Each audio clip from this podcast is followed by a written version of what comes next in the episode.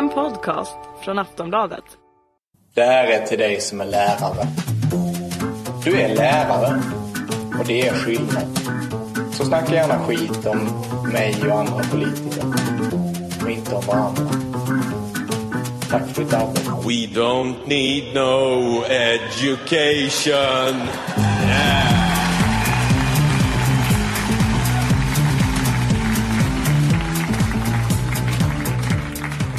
Välkomna gott folk till Flumskolan, världens mest folkbildande podcast från Aftonbladet Kultur och Galago. Som vanligt spelar vi in inför en fantastisk publik här på Mosebacke etablissemang på Södra Teatern i Stockholm. Innan vi börjar kvällens avsnitt kan det vara bra att konstatera att det här med public service, det är svårt. Vad betyder till exempel det här med opartiskhet ur ett public service-perspektiv? Till vår hjälp har jag därför tagit in en expert på området. Den moderate kommunpolitikern och tidigare riksdagsledamoten Lars Bäckmans Twitter. Han konstaterar. Vem är förvånad över det? Mörkröda SVT levererar för V. SVTs julkalender är för, är, I SVTs julkalender är företagare skurkar. Vidare konstaterar han att i gårdagens SVT Agenda visade man hur Putin startar upp medier för att påverka EU-invånare, men i Sverige behövs inte det när SR SVT finns. Och när det inte kunde bli värre, utbrister han, varför tonade SVT ner Astrids kamp mot kommunismen? Men om ni känner att det här inte räcker där, konstaterar Bäckman att i Nordkorea har de professionella gråterskor i de statliga medierna. I Sverige har vi Bladet-ledare och Greider DD som dyker upp i SVT istället. Men Bäckman kan vara lugn. Det finns små galliska byar av förkämpar även för honom inom public service-sfären. Och en av dem ska vi ta tur med idag. Inskrivna för examination ikväll är inga mindre än Han är komiker, satiriker, med i Lilla Drevet och just nu aktuell med föreställningen Ömhet. Ola Söderholm. Tack så mycket. Tack. Hon är psykolog, författare, en av de drivande bakom Psykologer läser böcker samt med egna podden Superältarna. Det är Jenny Jägerfelt. Tackar. Hon är skribent, antologiredaktör och debattör. Välkomna Sonja Schwarzenberger. Dankeschön. Han är den moderna socialdemokratins fader, en av de Tetters största diktare, chefredaktör på Dalademokraten samt gråterska på Sveriges Television. Ge en varm applåd till Göran Greider. Tack så mycket.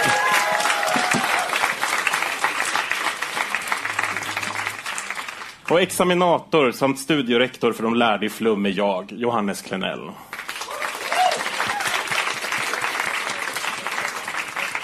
Boken vi ska läsa idag är nyhetsankaret och EU-parlamentarikern Lars Adaktussons självbiografi Världens bästa story. En bok som framförallt kan beskrivas med ordet tomhet. I boken får vi lära oss en del om Balkankriget, massor av ytlig information om grabbgänget på Aktuellt samt en smula om hur en godartad testikelcancer kan starta en kristdemokratisk karriär. Boken heter ju Världens bästa story. Tyckte ni den var det? Ola? Eh, inte den mest bäst berättade storyn kanske. Det fanns nog... Det, men det kändes som att det var ett problem med den, att det, var, att det var svårt att se vad som hände. Det var väldigt mycket så här tell och ganska lite show och sådär hela tiden. Att det är oerhört uppslitande personkonflikt han har med olika människor hela tiden. Så man bara berättar att han har, eller bara säger att han har dem. Det är inget sådär det är ingen gestaltande. Man hade velat såhär, var, ni alla de här, ni människorna på SVT som hatar varandra så mycket. Varför? Vad hände? Exemplifiera. Alltså det var ganska mycket sådär rapporterat liksom som ett sådär nyktert TT-referat hela tiden. Så det, var, det, var, det kändes som att det kanske fanns världens bästa story men han så här, högg inte riktigt ut den ur sitt stenblock. Ja, men liksom, förutom att det kanske snarare var 90 och 00-talets bästa stories i liksom världspolitiskt eh, händelse, för det är en ganska bra exposé över liksom, vad som händer i världspolitiken. Väldigt kortfattat så tänkte man sådär, kan det vara så att det finns lite lite att, eh, att berätta? Men, eh, men annars är det väl storyn eh, att Aktusson tänkte, jag minns mina chefer och hur de brukade antasta mig. Men, men jag tänker för en story, om man skriver manus eller skriver böcker, då måste man prata om så här dramaturgiska bågar. Att man, om man till exempel ska lansera en fiende, för att vi ska bry oss om att den fienden dör, då måste vi lansera den i början och sen liksom måla upp den som ondare och ondare och ondare och sen så att den ska dö. Men här är det väldigt korta bågar, så han lanserar en fiende på ena sidan och så typ dör den på nästa sida. Och likadant med alla positiva liksom, händelser. De lanseras på en sida och sen alltså, presenteras där och sen blir det häftigt här. Det är väldigt korta bågar liksom. Och typ ingen gestaltning. Ja, Men den här SVT-chefen får ju ändå hänga med ett tag, som är roten till allt ont. Ja, jo i och för sig, det måste man säga. Men personbeskrivningen är ju egentligen bara ett förnamn. Det är ingenting annat. Man vet ingenting om hur de ser ut, hur de rör sig, hur de pratar eller alltså... Ja, dramaturgiskt. Ja, nej, alltså det blir väldigt mycket så här dramatiska övertoner när han diskuterar till exempel spelet om 18-sändningen i Rapport. Som tar upp två sidor och det, jag blev liksom helt nitad vid skildringen där. Men, men i övrigt så tycker jag nog att det här, den här boken blev för mig till slut viktig ändå. Därför att eh, en gång i tiden så gjorde gjorde jag upp en lista på tio viktiga böcker för att förstå den svenska borgerligheten. Eh, och där fanns ju, jag börjar med Winston Churchills självbiografi, Min ungdom. Den, den är liksom ja, obligatorisk läsning om man ska förstå svensk borgerlighet. Och så Carl Bildt, och sen var det Elsa Beskows sagor. Eh, sen kommer jag inte ihåg vad det var mer, men, men jag, minns, jag kände nu att det här är bok nummer 11, så den måste, om man vill förstå vad som pågår i halva landet så måste man läsa Adaktusson. Så att den här boken är viktigare än vad våra inledande kommentarer kan förleda oss att tro. Men det var inte lika mycket kött och blod som Churchill. Sådär. Det, var inte, det var inte lika mustigt och sådär berättat riktigt. Nästan inga kroppsvätskor. Det brukar vara ett skäl att inte läsa en bok. Det är rätt mycket kropps, kroppsvätskor ändå. Vad sa du? Han kräks ändå på Ja, Saddam men det är den enda, då blev jag jätteglad. Där änt- Äntligen förekommer en kroppsvätska. Det är för sent in i boken. Nu Och går så vi i förväg. gestaltande, vad bestod spyan av och sådär. Han bara sa vi jag kräktes sådär Det liksom. var inte lite symptomatiskt att det var fotografen som Exakt, det typ det kräktes, var typ men inte sen ens han fick göra det ett kvarter längre bort. Vi kommer till det här.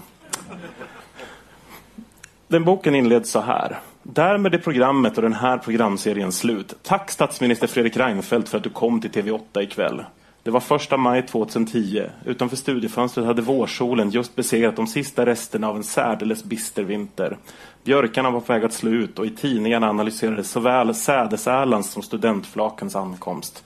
Årstiden kändes främst förknippad med hoppfullhet och framtidstro skulle för mig komma att innebära oklarhet och avsked efter två decennier i tv-journalistiken.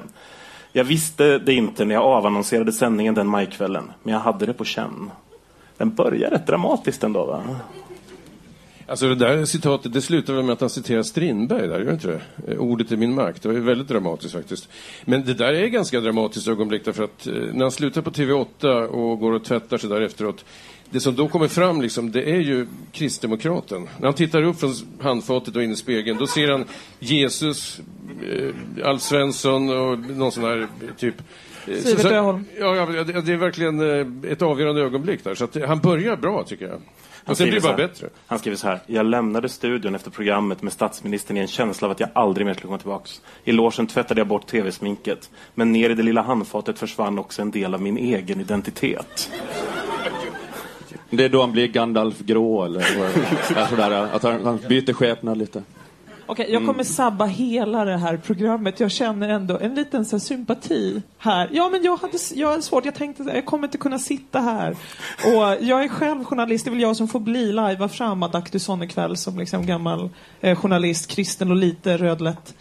Ehm, han blir av med liksom jobbet där. Vem kan inte känna, känna igen sig i det och gråta i handfatet på public service, eller TV8 i det här fallet då? Ja, men det är en medial kris och en religiös kris han går igenom där vid handfatet. Eh, och, det, är det, och det öppnar boken och jag, jag tycker att det är en stark inledning. Man undrar lite om man öppnar så här servetten sen och tittar och så är det ett Jesus-ansikte som tittar tillbaka på honom. Could be. Någon har sagt att en journalist är en människa som inte begriper någonting, men som skriver begripligt om vad som helst. Tycker ni den här regeln bekräftas av boken? Ja, begripligt är kanske det man kan säga om boken. Ja, den, alltså, den är ju tydbar hela vägen. Ingen, ingen tvekan om det. Alltså, man behöver inte sitta där och an, ringa sina poststrukturalistiska vänner på universitetet eller någonting så här, utan det går väldigt smidigt på det sättet. Men Problemet är väl att han ger ju aldrig några sammanhang åt någonting. Eh, han, han är, han, plötsligt är han i ett krig till exempel. Man, är det första världskriget tänker man, men sen inser man att det, det är Kroatien och eh, Balkan. Så, här, så, så att han är dålig på sammanhang, men det är begripligt hela vägen. Det är en poäng tycker jag. Jag håller med dig där. Jag skriver om mig själv som journalist, men delvis också som privatperson. Inte för att jag är märkvärdig, utan därför att jag varit med om märkvärdiga händelser och mött märkvärdiga personer. Jag har samarbetat med, sammanlagt arbetat med journalistik i 35 år och det har hela tiden varit ett stort privilegium. Jag har haft ett drömjobb som fort fört mig till de mest skiftande platser och miljöer. Från insidan har jag sett maktens korridorer i Vita huset i Kreml. Jag har bevittnat Berlinmurens fall och direkt rapporterat från det belägrade Sarajevo. Jag har intervjuat förtvivlade förtvivlade människor i överfulla flyktingläger och sett misären i det ockuperade Gaza. Jag har mött i skräcken för självmordsbombare i Israel och på plats blivit censurerad av ayatollornas brutala diktatur i idag. Jag har skildrat amerikanska presidentval och effekterna av terrorattentaten den 11 september 2001. Jag har berättat om missväxt och hungersnöd i Afrika, naturkatastrofer i Latinamerika och islamistiska terrordåd i arabvärlden. På hemmafronten har jag rapporterat om mordet på Olof Palme och misstänkta sovjetiska ubåtar. På nära håll följde jag tra tragiken kring mordet på Anna Lind och något senare den oerhörda tsunamikatastrofen. Lite märkvärdig tycker han väl att han är ändå. Vi kan väl säga att det inte, han hade inte skrivit jag i versaler här, utan det var Johannes som betonade hårt. Men för att skriva en bok överhuvudtaget måste man ju vara lite narcissistisk. Och för att skriva en bok om sin egen journalistiska gärning måste man också vara lite narcissistisk. Och för att skriva en, en väldigt tråkig bok och ge ut den liksom, ihop med Ekerlids förlag. Det är en slags folie à deux, en gemensam psykos i att alltså, vi tror att det här kan funka. Så det är klart att det är narcissistiskt. Sen tycker inte jag att han är så narcissistisk sen i, i, i resten av skildringen. Han skulle gärna kunna fått vara lite mer som du beskrev honom där i början för att det hade blivit liksom härligare att läsa sen. Men är inte det här bara ett CV för Lars Adaktusson? Som man har skickat i en ny form? Ja. Jo, när du säger det så. Nej, men jag tycker nog han är ganska narcissistisk hela vägen. Alltså, han speglar sig. Varje känd politiker är en spegel för honom. Så är det nog, tror jag. Jag menar, det är därför som, jag menar, i den här ord, vad heter det, namnregistret på slutet, det, det ser ut som någon sorts kungalängd över alla riksdagar som har funnits i världen någon gång. Men det är så, meriten för honom är ju bara att ha varit där och ha träffat dem. Inte så mycket vad han fick ut rent journalistiskt. Eh, att det är, det är lite sådär idolmöten liksom. Han har vunnit en slogan-tävling på någon kommersiell radiostation och fått träffa och ibland misslyckats. Där är det han, han, skriver med alla jobb, eh, det här eh, politiska chefredaktörskapet på SvD. Han nästan får, men inte riktigt får. Och sen en del presidentintervjuer med kungen och sådär. Ja. Jag tänker det där som inte gör någon till en fullblodsnarcissist, att han ändå kan beskriva om sina, viss, några misslyckanden, tar han ändå upp. Lars för helvete, jag sitter med Milosevic. Carl Bildt lät pressad och uppenbart irriterad. Jag hade nått honom på ett hemligt telefonnummer inne på flygbasen Wright Patterson i Dayton, Ohio. I ett av rummen, som enligt en liten skylt var avsett för EUs medlare, fanns två telefoner. Jag antecknade numret och skaffade mig just där, utan att reflektera närmare, en direktlinje in i den slutna flygbasen. När som helst under de historiska förhandlingarna hade jag möjlighet att lyfta luren och växla några ord med EUs medlare Carl Bildt. Till och med när han satt med Milosevic. Men alltså, varför sitter han och okynnesringer Carl Bildt under pågående fredsförhandlingar? Han är ju journalist, han vill påverka. Det är bara det. Ja, alltså det finns ju en konspirationsteori om att Lars Adaktusson och eh, Göran Persson egentligen är samma person. Ja, om, man, om, om man lyfter bort eh, Lars Adaktussons hår. Att det är Göran Persson egentligen som har liksom, alltså man iscensatt den här figuren Lars Adaktusson för att liksom, ta över medie-Sverige och det politiska Sverige. Och det finns ju, de förekommer ju typ inte på en enda bild tillsammans tydligen. Det här är inte jag som har kommit på det här. det, det, det, ja, Tobias Boström kanske ni ska, ja. någonting sånt. Ja, precis. Jag tycker, eller förlåt, ja, men jag håller helt med. Jag, jag bara satt och ja. tänkte, det är väldigt slående i, i den här boken att de är i princip eh, identiska. Men just den här passagen är ju annars ett fantastiskt exempel på det mest genomgående i den här boken. Som, som journalist så blir man liksom alltid ombedd, så här, det är inte jätteintressant att du skriver om hur du får tag i din intervjuperson eller när du misslyckas att få tag i din intervjuperson, eller när intervjupersonen eh, skällde ut dig efteråt, eller vilka citat du strök. Och jag tror att det liksom är en uppdämd eh, vrede, vilket får mig att tänka att Adaktusson har kanske inte haft det så svårt. För hela boken är i princip det. Hans ansatser till intervjuer. Mm-hmm. Men det är väl, att, det är väl det han har blivit kritiserad för mest då, att han är en väldigt sådär, äh, att, att makten har gillat att bli intervjuad av honom för att han har varit hovsam och låtit alla tala till punkt och sådär. Eh, och eh, inte liksom ha så alltså, jättebra på normkritik och så och tänka att makten kan, kanske kan vara vart makten kan finnas och så. Eh, men ehm, att han då har, eh, men här är han ju lite störig i alla fall. Han ringer och stör honom. Han kanske ringer och stör för att få ställa hovsamma frågor. Jag vet inte. Eh, vi vet ju inte vilka frågor han ställde när han ringde och avbröt i, mitt i Milosevic. Adaktusson ska dock snart drabbas av sin egen medicin. Strax efter klockan sju en lördagsmorgon väcktes jag av en ilsken telefonsignal. Kvällen före hade det blivit sent. Jag hade varit programledare i Aktuellts 21-sändning, kommit hem vid 23-tiden men inte somnat förrän fram på småtimmarna. En dam presenterade sig, bad om ursäkt för att hon störde men poängterade att hon hade en angelägen fråga. Hon hade hamnat i dispyt med sin pensionerade make och förklarade att jag var den person som kunde hjälpa dem med att lösa trätan. Det är så att min man hävdar att du har peruk. Jag säger att din kalufs är äkta, men nu vill jag fråga dig direkt. Vem av oss har rätt? Rejält sömndrucken försökte jag ta in det jag just hört. Tankarna för runt i ett kolossalt tomrum. Och efter en kort tystnad hörde jag mig själv säga. Ett ögonblick, jag ska kolla. Jag undrar kanske lite varför det här är en av de personliga dörrar som Adaktusson väljer att glänta på för oss här tidigt. Ja, det kan man ju fråga sig. Ja, alltså det, Jätteroligt jag skrivet tycker- ändå, det får jag- vi igenom. jag det här tycker- är min bästa Det här var det. Ja, ja, roligaste precis. i Det hela lyfter boken. faktiskt. Ja, det är Ja. den de ska lyfta ut på förlagets baksida. Vi glömde dem ju. Och den är på sidan 34. Ja, det, de skulle haft det på baksidan liksom så här. Som, Här känner man anekdotmaskinen, Lars Adaktusson. Man vill ha honom på middag. Men jag tycker att det är ganska bra skrivet därför att man svävar i ovisshet om man lite grann skojar med läsarna eller om man menar allvar, att han hamnar i ett kolossalt tomrum efter den frågan. Alltså när han säger det där så känner jag detta att eh, man borde liksom eh, kalla in en astronom eller någonting för att det, det är liksom en otrolig formulering i förhållande till samtalet.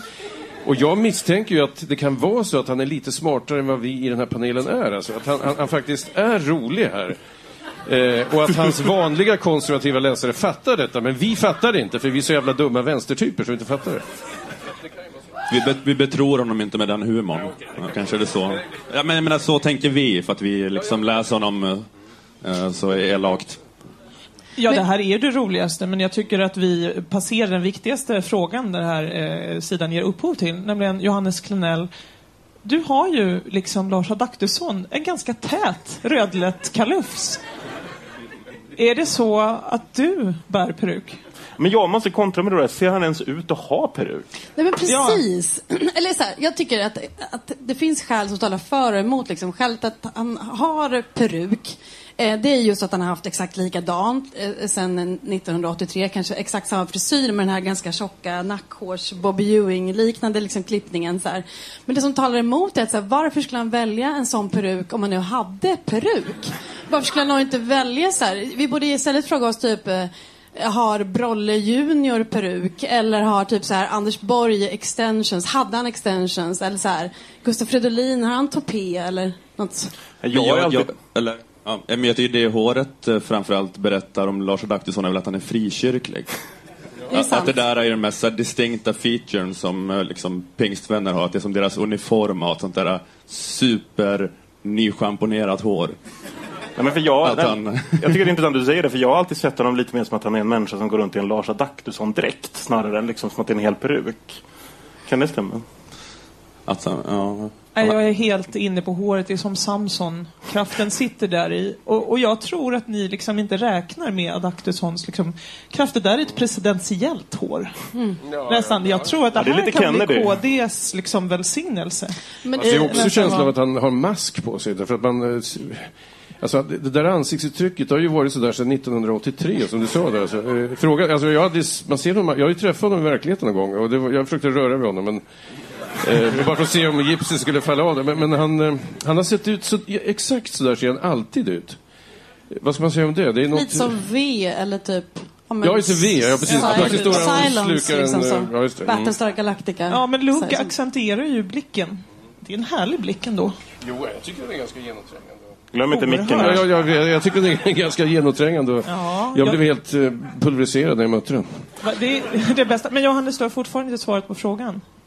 Har du peruk? Men det är väldigt väl fastlimmad. Men viss karaktärsstyrka för att behålla det här nackhåret år ut och år in och ändå suttit hos sminköser så här varje kväll som måste ha sagt så här, vad ska vi göra med Adaktussons hår? Ja, jag vet inte, kanske kan vi kamma in under kragen, nej det går inte. Och så ändå så här, bara, jag vill ha mitt hår, det tycker jag är starkt. Man betalar ju mycket för ett sånt varumärke ändå. Jaha, Men, det är alltså så. bara, eh, menar du att du känner igen det där som en frikyrkostil alltså? Ja, men att vara sådär otroligt nytvättad så att det liksom är sådär fladdrar och elektriskt. Det är väldigt, eh, det är något... Det, känner man, någon- det är ju Lars Adaktusson, han har inte gjort någon sån där schampofri månad för att bli av med alla silikoner och få de naturliga oljorna att verka så, utan det är gnuggat dubbeldusch varje morgon. Det är helt, helt Frasigt. ny, nyrent hela tiden. Göran, jag kommer behöva vara elak nu, men jag, men jag tänker mig att du också måste ha fått frågor om ditt hår som har liksom bestått. Ja, herregud. Alltså, jag var i San Francisco för tre månader sedan. Staden där alla går omkring med blommor och ser jätteglada ut. Någon möter mig. Det första personen jag möter på gatan säger till mig så här, What a wonderful hair, säger de. I San Francisco. Jag tänkte så här, wow, ni lever verkligen upp till förväntningarna. Och så där är det ju hela tiden, liksom. Eh, Lite den känslan. Så att är jag- hela ditt så- liv. Ja, det, det senaste, sen Flinten började så här så har det varit så kan jag säga. Jag vill gärna höra det, det är samtalet mellan dig och Lars. Om era underbara hår. Ja, alltså, absolut. Och vi kan dessutom prata om eh, kristen eh, teologi och sådana saker i kombination med public service och sånt. Nu han får sitt jobb tillbaka. Kristet hår, en programserie i tre delar. Förlåt Johannes, fortsätt. Det räcker inte, tio delar. Jaha, det är alltså så att min man har rätt. Du har peruk. Vid det laget hade damen mig i sitt grepp. Inte för ett ögonblick slog det mig att hon faktiskt ofredade mig på en lördagsmorgon. Att hon inte hade med saken att göra och att hon hade passerat en gräns för vad som kändes acceptabelt. Den enda tanke som upptog mig var hennes falska påstående som måste bestridas. För första gången under samtalet höjde jag rösten. Med betydande eftertryck gjorde jag klart, nej, jag har inte peruk. Rent dramaturgiskt, varför sparade inte Adaktusson den kanske största hemligheten om sig själv till bokens slut?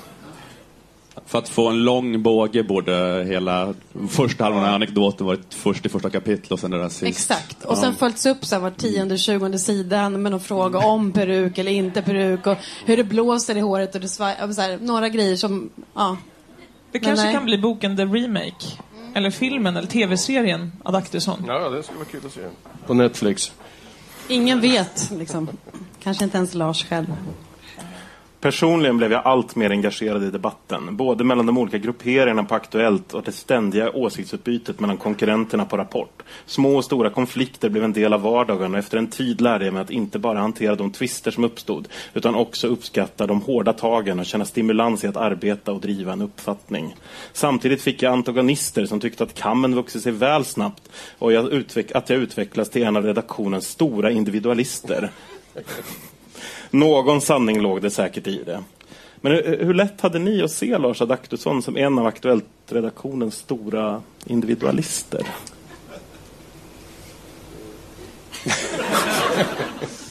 Men det är återigen det här problemet att han inte bjuder på så mycket gestaltning.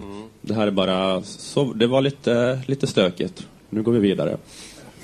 Jag vet inte, jag hade Lite- framf- Ja, förlåt. Jag trodde du menade att vi skulle gå vidare. Eh, ja, nej, men det som blivit även en del av min vardag är ju trätorna på Aktuellt och Rapport. Man fick mycket grundlig information om det här. Ja, jag, jag kan tänka O- oerhört. Du Fast somnade redan ändå under... inte. Ja, ja, jag, jag tyckte det var lite... Alltså jag hade gärna velat höra lite grann av de här roliga historierna och tecken på hans individualism och individualitet. Men, men vi får väl tro honom på hans ord helt enkelt. Så tänker jag ofta när jag läser den här boken. Jag älskade arbetet och jobbade mycket, under långa perioder för mycket. Vid ett tillfälle när jag för en gångs skull satt hemma i soffan samtidigt som Aktuellts välkända vignett drog igång, sken vår lilla dotter upp, pekade på tvn och utbrast. Aktuellt pappa, där bor du. Adaktusson sköter utfrågningen av Ian Wachtmeister i Aktuellt i samband med Ny- Ny Demokratis framgångar. Tidigt på morgonen efter utfrågningen blev jag uppringd av en reporter på Expressen som förklarade att hon hade en kort fråga. Hur känns det att vara Sveriges mest utskällda person? Det kändes naturligtvis inget vidare. Å andra sidan hade jag skaffat mig viss erfarenhet. Hur bra skulle ni säga att Adaktusson är på att dölja det här med sin bitterhet? Jag tänker att han snarare vill vara lite ball. Att han är så här het luften, han är en individualist och han är van att bli utskälld och så. Jag tänker att det är snarare det som han vill säga med den här meningen. Men är han det? Va, vad är Ball? Ball? Nej, men han vill ju jättegärna vara det, tänker jag. Fast han Det är sa väldigt snarstucken. Jag, jag råkade nämligen i radion en gång kalla honom för Lars Andaktusson. Eh, och då skickade han ju direkt en massa mejl om det där. Eh, och jag frågade honom direkt om han hade peruk och så här, men nej, det gjorde jag inte. Men, eh, men det var en jättekonstig känsla. Så att han, jag tror att han har ett ego som är ganska känsligt. Han vill nog vara ganska ball, men, men eh, ibland, han blir lätt sårad tror jag. Och det är i och för sig en sympatisk drag på sätt och vis. Så att, eh, jag kan inte klaga på det. Så att, råkade du kalla honom det? Alltså jag brukar säga att jag råkar kalla honom det. Okay. Men, eh, ja, men är det inte också lite att eh, han har de här eh, intervjuerna som han får massa kritik för, för att folk tycker att han är för aggressiv eller någonting? För att det är ju det som blir hans filosofi sen då, att han går i polemik med Janne Josefsson, att man ska inte hålla på med gläfsan och man ska inte vara arg, att han, det här liksom goda, lugna samtalet är bästa sättet att sätta dit makthavare. Och det kanske är de här liksom tidiga traumatiska upplevelserna då han försökte få ett skjutjärn och då blev alla jättearga. Det var jobbigt när de blev så arga. Då kanske den här känsligheten då, att då, då ska jag bara ha liksom eh, hövliga samtal med makthavare hädanefter. En av de värsta avhyvlingar jag råkat ut för kom efter en utfrågning som jag tillsammans med Aktuellts politiska reporter Hans Larsson genomförde med Carl Bildt.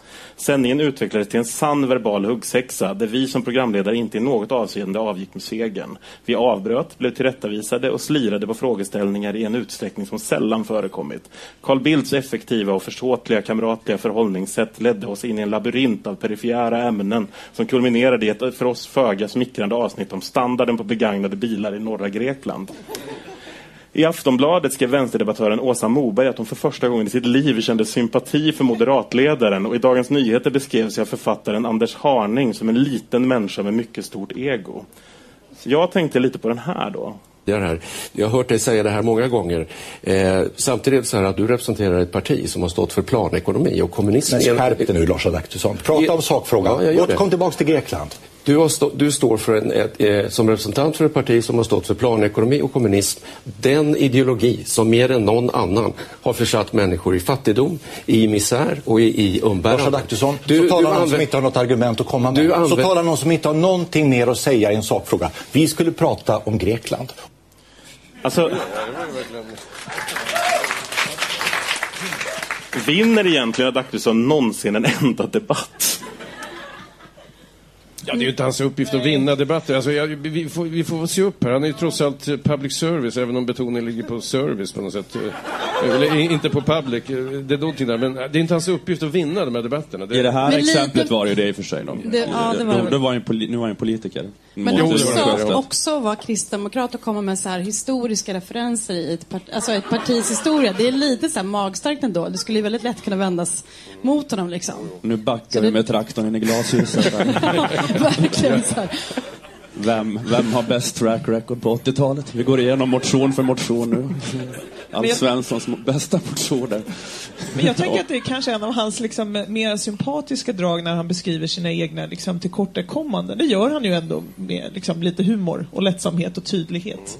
Eh, det får man ändå ge honom. Vad han däremot också gör är att han liksom ofta börjar så att han ska liksom, nu ska jag blotta mig själv och ett misslyckande eller liksom, här var jag bråkig, min chef gillade inte mig. Eh, och så tänker man att han liksom ska vara ödmjuk, men han är liksom, liksom till synes ödmjuk. Och sen slutar det ändå med att han får ett journalistiskt pris i slutet av varje kapitel. Men han berättar ju aldrig heller om några känslor. Det är därför man inte bryr sig så mycket om honom tycker jag. Liksom. Alltså, när sen jobbiga saker händer. För att han berättar inte om sin sårbarhet, vad han drömmer om, vad han blir kåt av, vad han, vad han liksom älskar att göra, vad han liksom så här... Alltså okej, det, man kanske inte måste berätta allt det där, men vissa av de där grejerna i alla fall, jag är intresserad av vad han, vad han liksom så här skäms för och allt det där. Han, han säger ingenting om vad han känner någon gång, han säger bara saker om vad han tänker. hela tänkte tiden. också jättemycket det, på det hans verkligen sexliv, bekräftar så jag så här Cylon-teorin. Liksom. Så- Ja, det är, en, det är en bra teori i och för sig. Men, eh, men han är ju inne någonstans på förhållande till sin far där. Det tycker jag... Det är en sida. Ja, det är en Jag- sida, men det är en tung sida tycker jag. Eh, Fyra. Fyra rader. ja, ja, det, ja, Det var en hård man. Ja, det var en hård man. Ja, men alltså, Och där hade man ändå att det var någon skakning där i... Han hyllar familjen eh, lite här och var, men när han pratar om familjefadern så är det ganska traumatiskt där och sårigt.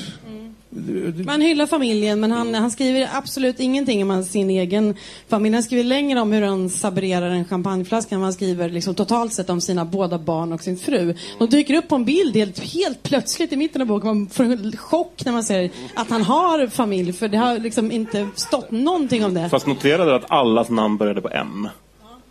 Precis. Det var Maria, Marcus och Maja. Men kan vi inte prata lite om, om honom som emotionell person? För att jag har fantiserat mycket om det, det här under påsken.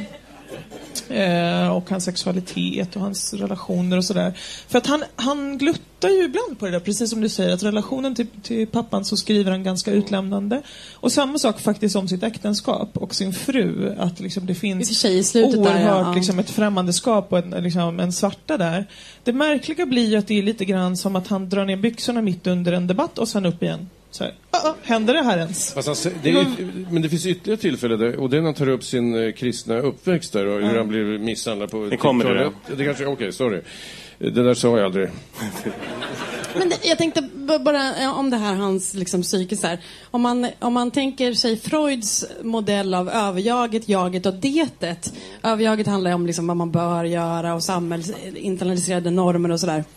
Vad föräldrarna har lärt att man ska göra. Och detet är ju drifterna, liksom sexualdrifter, aggressioner och så vidare. Och jaget försöker medla mellan de här två. Så är det som att han har inget det. Det finns inget det i den här boken. Det finns inga så här drifter, inga, liksom, inga begär, inte så här att han lash out och blir förbannad och så här. Utan det är bara som ett enda fett överjag som liksom får...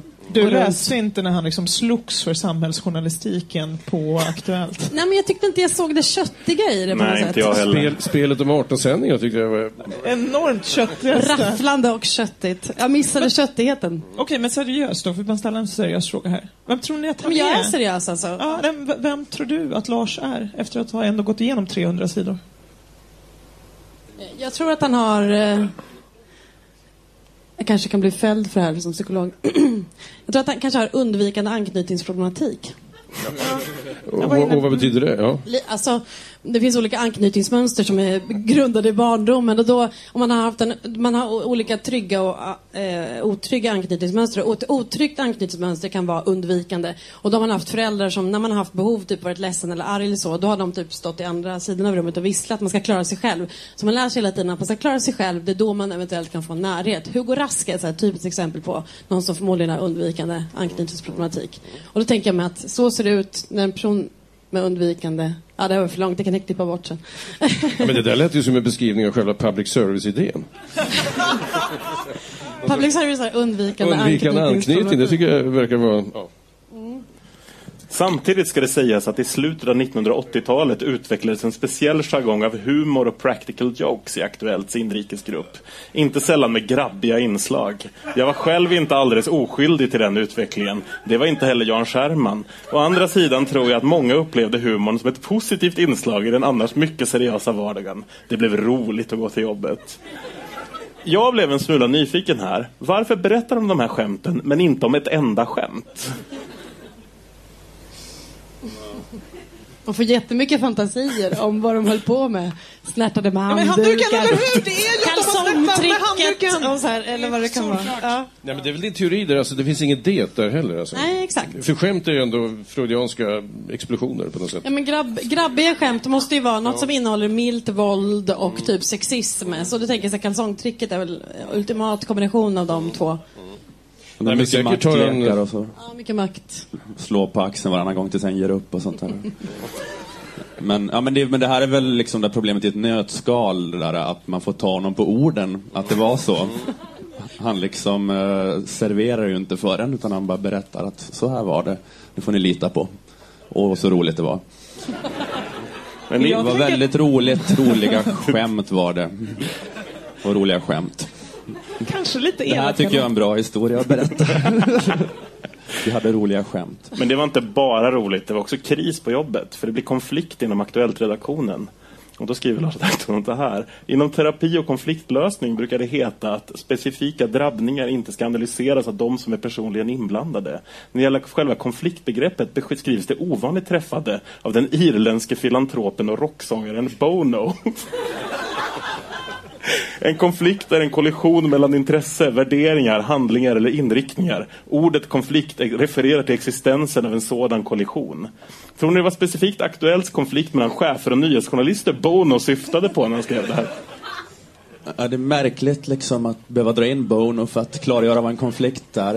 Eh, så. Men, ja, men det där är också det igen, för du vet att de har fullständigt krig, han och den här Frenkel, eller vad han heter, chefen, och de så här hatar varandra, de är på olika sidor liksom på SVT Nyheter och Och man får återigen, man får inte veta vad, varför hatar ni varandra? Utan det är bara, som Bono så- sa, det var en konflikt. Frenkel startade A-ekonomi, det verkar vara den stora utlösande grejen. He- Ja, hela, det. hela Youtubes skiva War kanske är tillägnad till den redaktion. Hela boken kunde heta Where the streets have no names.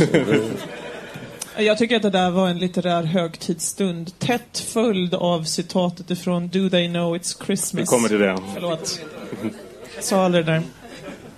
Oväntat blev jag uppringd av Sivert Öholm på Göteborgs-TV som undrade om jag ville vikariera för honom som programledare för Kvällsöppet. Jag hade både gjort inhopp i Aktuellt sändningar och i olika specialsändningar innan jag blev korrespondent. Men någon längre programledarerfarenhet hade jag inte. Trots detta var jag enligt Sivert rätt man för jobbet. Eh, hårdrock, ja det är den typ av rock som vi har läst rätt mycket om i tidningarna. Bland annat eh, det amerikanska bandet eh, W.A.S.P.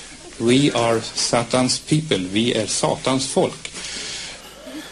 Vad tror ni var Siverts krav för att vara rätt man på jobbet? Journalistisk erfarenhet eller att inte backa för att bränna en häxa eller två på bål?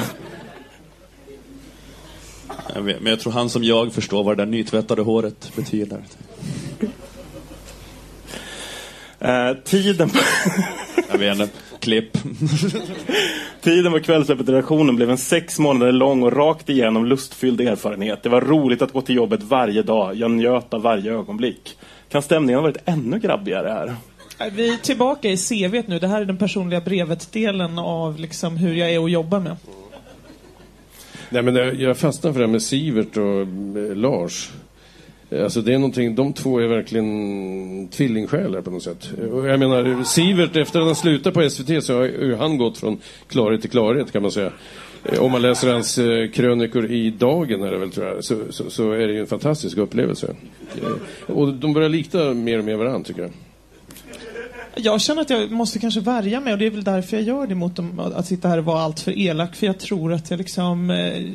Jag är nog avundsjuk på Lars Adaktusson. Tänk om jag hade fötts 30 år tidigare, lite rödlätt som jag varit och liksom hängt med grabbarna och snartat liksom handduk. Det hade gått så jävla bra. Haft Sivert Öholm som mentor. Alltså, min medelmåttighet hade bara liksom, han pratar om sina ganska dåliga betyg, han upprätthåller sig länge vid liksom sitt ansökningsbrev till Journalisthögskolan. Hur kommer man ens ihåg sitt liksom ansökningsbrev? Men koketterar han inte bara med sina dåliga betyg då? I den här grejen att han ville vara lite ball. Så här, att han bara, jag hade lite dåliga betyg, men det gick ändå bra. Det här gick lite snett, men det gick ändå bra. Du ifrågasätter alltså att Lars Adaktusson är en medelmåtta?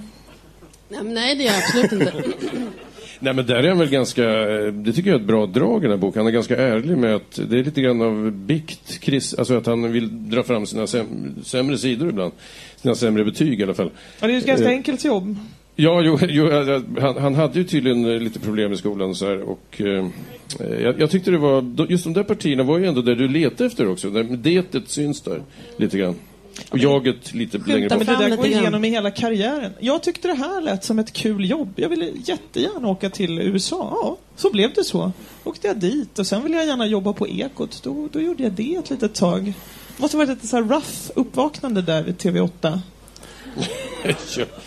Jag tänker att vi måste komma in på det Lars hittar som är gemensamt mellan honom och de ledare som störtar kommunismen, alltså gudstron. När han beskrev behovet av religion eh, är ett politiskt och etiskt korrektiv som hjälper människor att lyfta blicken från det omedelbara kände jag igen resonemanget. När han framhöll att ett av 1900-talets problem var att Gud trängts undan i uppbyggnaden av det rationella samhället lät det som fromma predikningar från mitt barndoms Småland. Vaclav Havel, som själv beskrivit sig som agnostiker, fick mig att på djupet reflektera kring andlighet och inte minst min egen uppväxt i den svenska frikyrkorörelsen. Jag vill inte vara sån, och nog för att 68-vänstern var sjukt störig mot Lars. Men det måste väl ändå vara viss skillnad mellan att växa upp i en kommuniststat och växa upp i Småland. Jag har fortfarande inte varit i Småland. Du har inte varit... Du, Nej. oh, herregud, ja, då, ja, då har du verkligen missat något. Kommunismen lever starkt där. Ligger inte Astrid Lindgrens Värld i Småland? Jo. Mm, Man kan åka dit och stå i brödkö. Nej, men jag tycker alltså, nu, nu börjar jag mer och mer känna mig som en försvarare av Lars Adaktusson. Eh, därför jag tycker han tillför någonting där. Eh, ibland har jag ju skrivit om det här med vad var det, icke-materiella värden och sådär. Jag tycker det är bra. Det har ju, jag menar att det har varit ett problem under stor del av 1900-talet att man på grund av ett rationellt samhällsbygge ibland har misstänkliggjort allt som inte kan vä- eh, mätas, vägas, iakttas. Så, så där är ni inne på något allvarligt som man kunde ha utvecklat istället. Istället för att hemfalla till, till de här Smålands eh, jämförelsen med kommunismen eller vad det var för någonting. Alltså, det, det han är inne på något viktigt spår där som, som eh, han slarvar bort. Och han, han kunde ha grävt lite djupare där, i, tycker jag. Jag är helt med dig där. Ja, och det här får väl sitta, vi, vi kan vara den, den kristna vänstern här då. Eh, jag hade jättegärna velat veta mer om hans tro. Om han inte riktigt känner för att bjuda på sitt känsloliv eller sitt sexliv eller så, men, men faktiskt sin kristna tro.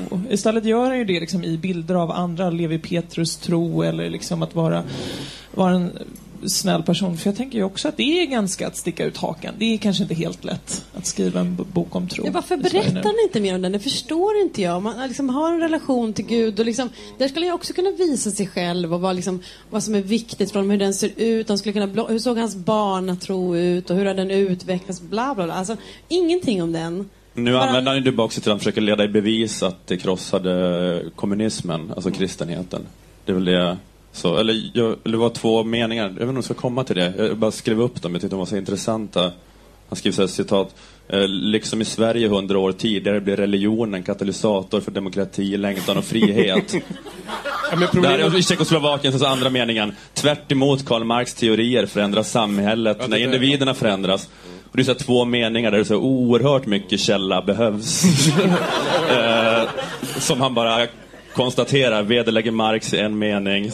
Eh, slår fast att det var de eh, frikyrkliga som införde demokratin i Sverige. Eh, nu går vi vidare. Ja, men det, där, det där är ett jobbigt drag hos historiefilosofen Lars Adaktusson. Men, men, eh, och problemet är, det är ju det att han gör av den här kristna bakgrunden så gör han snarare ideologin för chansen istället för att göra något med personlig erfarenhet, kris, vad som helst. Och det hade han ju verkligen kunnat skrivit en intressant bok där. Men den chansen eh, missar han alltså. Men det kanske kommer del två någon gång här snart. Jag tycker vi ska fortsätta gräva lite i tron ändå. Grundläggande värderingar om frihet, alla människors lika värde och solidaritet med den fattiga delen av världen har i generationer predikats i svenska kyrkor och kapell. Samtidigt har uppfattningen om kristenheten och kyrkliga angelägenheter präglats av fördomar och emellanåt förakt. I februari 2011 skrev författaren och poeten Marcus Birro om detta i en av sina krönikor i Expressen. Inget får vara heligt längre. Allt ska släpas i smutsen. Det uppfattas som progressivt och radikalt att omänskliggöra grundläggande värderingar om livets okränkbara värde, Gud, kärlek och sexualitet. Allting säljs till lågt pris. Jag fattar inte, vad menas med det här att sexualiteten säljs till ett lågt pris? Ja, han har ju varit i olika delar av världen och sett hur priserna skiftar kanske. Så jag, jag, jag har ingen annan förklaring. Men... Men av allt stolligt Marcus Birro har skrivit så kanske inte det där riktigt tog priset. Jag vet inte, jag, jag, jag har inget jätteproblem med, Ja, men det är med synd, det där ja, riktigt. nej, men det är Han synd letar att upp han... det allra mest balanserade Marcus Birro har skrivit och stoppar i sin bok. Oavsett om det finns en svensk kristofobi eller ej så är resonemanget tankeväckande. Det här med kristofobi tyckte jag var lite intressant. Jag har inte hängt på Twitter ett tag, men är det här ett etablerat förtryck eller är det mer på nivå med klassism och horfobi? Jag vet inte, men jag är ju psykolog och vi jobbar ju ganska mycket med fobier, eller vissa psykologer gör ju det. Då, man skulle kunna, om någon har det kan jag ju kan behandla. Det är mycket exponering, det är KBT-behandling då, man jobbar med exponering. Så först kanske man får titta på en bild av en spindel om det är spindelfobi och sen så till sist kanske man får vara på en gudstjänst i en kyrka eller något sånt. Alltså nej, jag menar... Det måste vara några steg, stå några steg emellan det va? Annars blir det en chock. Man spelar och rundpingis med några konfirmander och och eh, Kristo. ta ett steg i taget liksom. Ja, men Göran, Prata du som kristen, känner du som jag, eller när jag var kristen, jag vet inte riktigt vad jag är längre. Strunt i det men ordet, ja. men Mm. ja, troende då, så kände jag länge ett stort behov av att strössla ungefär vartannat ord med könsord. För att liksom påpeka Jaha, att jag nej, inte nej. var så pryd. Ja, nej, så, igen nej, så det? nej, jag har inte vuxit upp i någon kristen miljö, så jag har ju helt sluppit allt sådär. Men, men jag menar att det finns något, san, något sant i det han säger. Att det, inte kristofobi, men det har funnits ett, en viss typ av, som jag sa tidigare, misstänkliggörande av en hel sfär i samhällslivet som jag tycker är helt onödig, som har bara varit dum. Det finns ju till och med en kristen vänster. Eh, KG Ryan Reynolds here from Mint Mobile. With the price of just about everything going up during inflation, we thought we'd bring our prices down. So to help us, we brought in a reverse auctioneer, which is apparently a thing. Mint Mobile unlimited premium wireless. Ready to get 30, 30, bit to get 30, bit to get 20, 20, 20, bit to get 20, 20, bit to get 15, 15, 15, 15 just 15 bucks a month. So, Give it a try at mintmobile.com slash switch. $45 upfront for three months plus taxes and fees. Promo rate for new customers for limited time. Unlimited more than 40 gigabytes per month. Slows. Full terms at mintmobile.com. KG Hammar. Jag är ett fan av KG Hammar. Han har sagt fantastiska saker. Hur många här är religiösa? Det är säkert en tiondel i alla fall. Eh, resten kan ju gå ut i så fall om, om det blir för jobbigt. Men alltså, det, det finns ett problem med det. Men grejen är att han gör ingenting av det annat än så här små inbilska ideologiska markeringar genom att dra in Marcus Birro till exempel. Eh, så att det, han slarvar återigen bort... Eh, Men du, ty- du, du, tycker att han skulle ha skrivit lite mer om hur så svenska liksom, välfärdsarkitekterna inte hade tänkte på andlighet och sådär, att de bara rev allt fint och byggde upp, byggde upp Uddevalla överallt. Ja, alltså, ja, ja, precis. Ja, nej, ja, ja, kanske. Alltså, no- han kunde åtminstone ha reflekterat över det i personliga termer så hade man fattat mer vad han Ja. menar. För nu blir det bara liksom tom, dålig Marcus Birro-ideologi av alltihop. Mot den bakgrunden är det intressant att se hur stora delar av journalistkåren välvilligt lyft fram en samling ateister som gett sig själva epitetet humanisterna. I en omfattning som inte på något sätt motsvaras av gruppens storlek eller inflytande har de stora medierna berett plats för en lära som påstår att religionsmotstånd bygger på rationalitet och vetenskap medan religiositet handlar om fria fantasier. Alltså jag vill inte vara sån, men nog fan ser väl de flesta just humanisterna som minst lika stora knallhattar som de frikyrkliga. In, instämmer. Ja, eller jag vet inte, jag, jag är en sån som, jag tycker att humanisterna har varit så här tjatiga och pubertala och så här, trollkarlar som skriker självklarheter. Men nu på senaste när så här, Ann Heberlein går lös så jag börjar känna att de har börjat bli lite subversiva plötsligt. det börjar bli viktigt. Humanisterna har valt att ägna sin tid åt att bekämpa något som de är övertygade om inte finns. Det är märkligt men ska respekteras. Samtidigt måste intolerans motverkas. Det finns i alla åldrar, samhällen och schatteringar. Jag har själv stött på den genom åren, inte minst i skolan där glåpord och pikningar utvecklades till en penalism som då och då innebar att jag brottades ner på skoltoaletten och under pissoaren utsattes för slag och sparkar tills jag gick med på att uttala ett antal svordomar. Ja, vi ska inte skratta här. Utan att förringa Adaktussons upplevelse här, men han pratar om humanisterna. Är det alltså verkligen typ Lena Andersson och P.C. Jersild som toalettdöpte honom på gymnasiet? Det var lite långdragen tolkning från din sida. Kolla Men nu, han pratar ju om det har blivit humanisterna. Adaktusson igen. Men han, eh, det, han blivit väl arg på humanisterna för att humanisterna håller på att driva den här grejen att man inte behöver ha religionsfrihet. Att alltså, lagen om religionsfrihet kan avskaffas för att det räcker med yttrandefrihet bara på något vis. Eh, så att, eller, det är väl lite så här miss, alltså det är ju verkligen inte att, de, att humanisterna driver någon slags inskränkning av religionsfrihet. Det är bara att, det, att de tycker att det är en så här onödig formulering. Jag kan det ganska dåligt. Men att det liksom kan finnas under så här, yttrandefrihetens allmänna paraply att man får säga och tro och tycka på vad man vill. Så att eh, det är ju också en lite, inte helt påläst tolkning tror jag av Adaktusson, av vad humanisterna har sagt. Och vad vet vi egentligen om Lena Andersson och Lars Adaktussons barndom? Har jävligt svårt att se Lena Andersson stå och toalettdöpa någon ändå. Kanske snarare Det skriva en väldigt lång och krånglig ledartext. Till, liksom. Nej, men hon åkte väl mest skidor när hon var barn, gjorde hon inte det? Tror jag. jag tror det. Bra skidåkare. Hon var ju SM. Sitter du och ljuger nu? Nej, nej, det är ju liksom- sant. Det är, verkligen sant. Alltså, hon, hon är väl så här, verkligen sportintresserad. eh, Mer sportintresserad än ateist, skulle jag vilja påstå.